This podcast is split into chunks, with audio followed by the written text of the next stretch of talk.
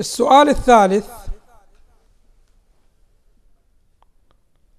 هل ترك أهل البيت ما يغني عن الفلسفة ووحدة الوجود أم لا؟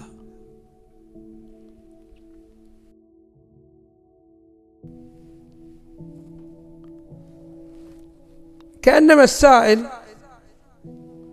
يريد شنو أن يثير مسألة.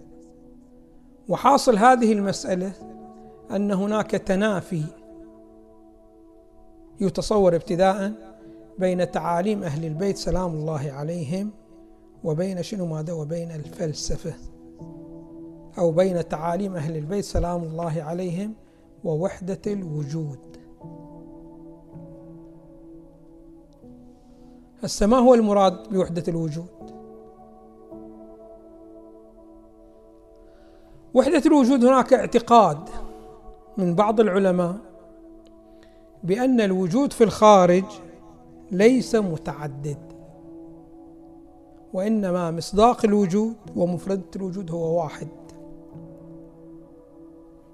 وهو الله سبحانه وتعالى.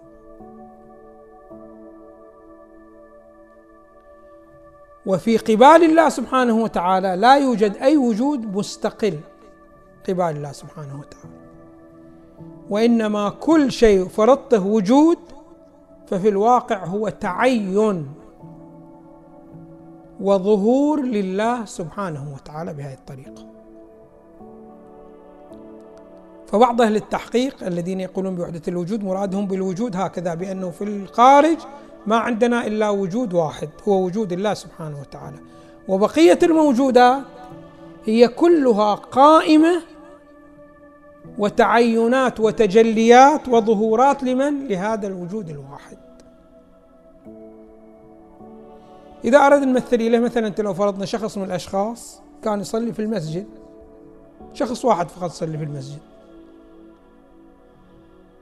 أنت ذهبت مرة ورأيته راكع ثم ذهبت له ثانيا فرأيته ساجد.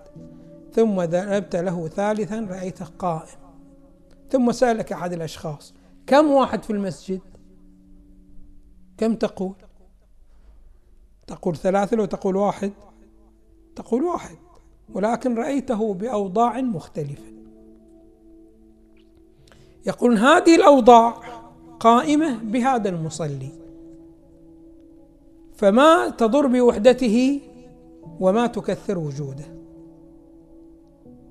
بعض العلماء الكبار قالوا هكذا في الكون عندنا وجود واحد والوجودات الأخرى هي ماذا؟ هي قائمة به بهذا الصورة وبهذا النحو الآن أهل البيت سلام الله عليهم كما يقول السائل هل ترك أهل البيت ما يغني عن الفلسفة ووحدة الوجود؟ لا بل أساسا أهل البيت سلام الله عليهم. تعاليمهم هي إشارة لما يميل العقل لإثباته وإلفات للعقل بأنه مسارك الصحيح في هذا الاتجاه. فتعاليم أهل البيت سلام الله عليه جدا جدا موافقة للعقل. ولذلك أمير المؤمنين سلام الله عليه يقول إنما بعث الأنبياء ليثيروا دفائن العقول. واضح شنو؟ فأنت عقلك يقتضي أشياء معينة إذا عرضت عليه ولكن يحتاج إلى شنو؟ ماذا؟ إلى إلفات إلى هذا الأمر فقط. الأئمة سلام الله عليهم وهكذا الأنبياء يلفتون العقل إلى هكذا يساعدون في تشخيص الطريق. وسئل الإمام رضا سلام الله عن الحجة هذا اليوم. ما هي؟ قال الحجة هي العقل. تعرف بالعقل من هو الصادق فتتبعه وتعرف من هو الكاذب فتتبرأ منه. فإذا لا منافاة هناك أساسا بين توجيه الأئمة سلام الله عليهم واضح شلون حتى نقول بأنها تغني عن الفلسفة أو تغني عن وحدة الوجود. لا. بل عندنا شنو؟ ماذا؟ كثير من الروايات الواردة عن الأئمة سلام الله عليهم تشير إلى وحدة الوجود. مثلا الإمام الصادق سلام الله عليه مر بشخص من الأشخاص. وكان هذا الشخص يقول الله أكبر. فسأله الإمام سلام الله الله أكبر من ماذا؟ قال الله هذا الجواب المسؤول المجيب قال الله سبحانه وتعالى أكبر من كل شيء. فقال له الإمام سلام الله أو ثم شيء؟ يعني أي وهناك شيء حتى يكون الله سبحانه وتعالى أكبر منه؟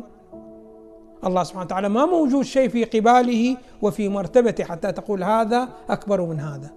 وإنما الشيء الذي هو موجود هو ماذا؟ هو شيء قائم بالله سبحانه وتعالى. وإذا فصلت عن الله سبحانه وتعالى فلا وجود له. ولا شيئية له. شيئيته بشيئية الله سبحانه وتعالى. فما يزاحم الله سبحانه وتعالى حتى يقال هذا أكبر أو هذا أكبر. كما أنه أنت الآن فعلك هل يزاحمك؟ ما يزاحمك. لماذا؟ لأنه فعلك في مرتبة متأخرة عن مرتبتك. بهذه الصورة بهذا النحو. وكذلك عندك كلمة لأمير المؤمنين سلام الله عليه يقول فيها يشرح البينية التي هي واقعة بين الله سبحانه وتعالى وبين مخلوقاته. يقول البينية على نحوين بينونة عزلة وبينونة صفة. بينونة العزلة يعني أنت الآن أنت الآن لك وجود وأنا لي وجود. أنت بائن عني وأنا بائن عنك.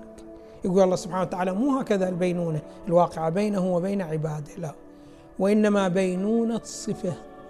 يعني شلون بينونة الصفة؟ مثلك أنت عندما تكون راكع. الركوع شيء وأنت شيء. ولكن هل الركوع شيء في قبال شيئيتك أم شيء متقوم بك؟ شيء متقوم بك. فيقول الله سبحانه وتعالى بائن من مخلوقاته ولكن نحو بينونة الصفة عن الموصوف. لا بينونة العزلة. بهي الصورة وهذه الوحدة الشخصية.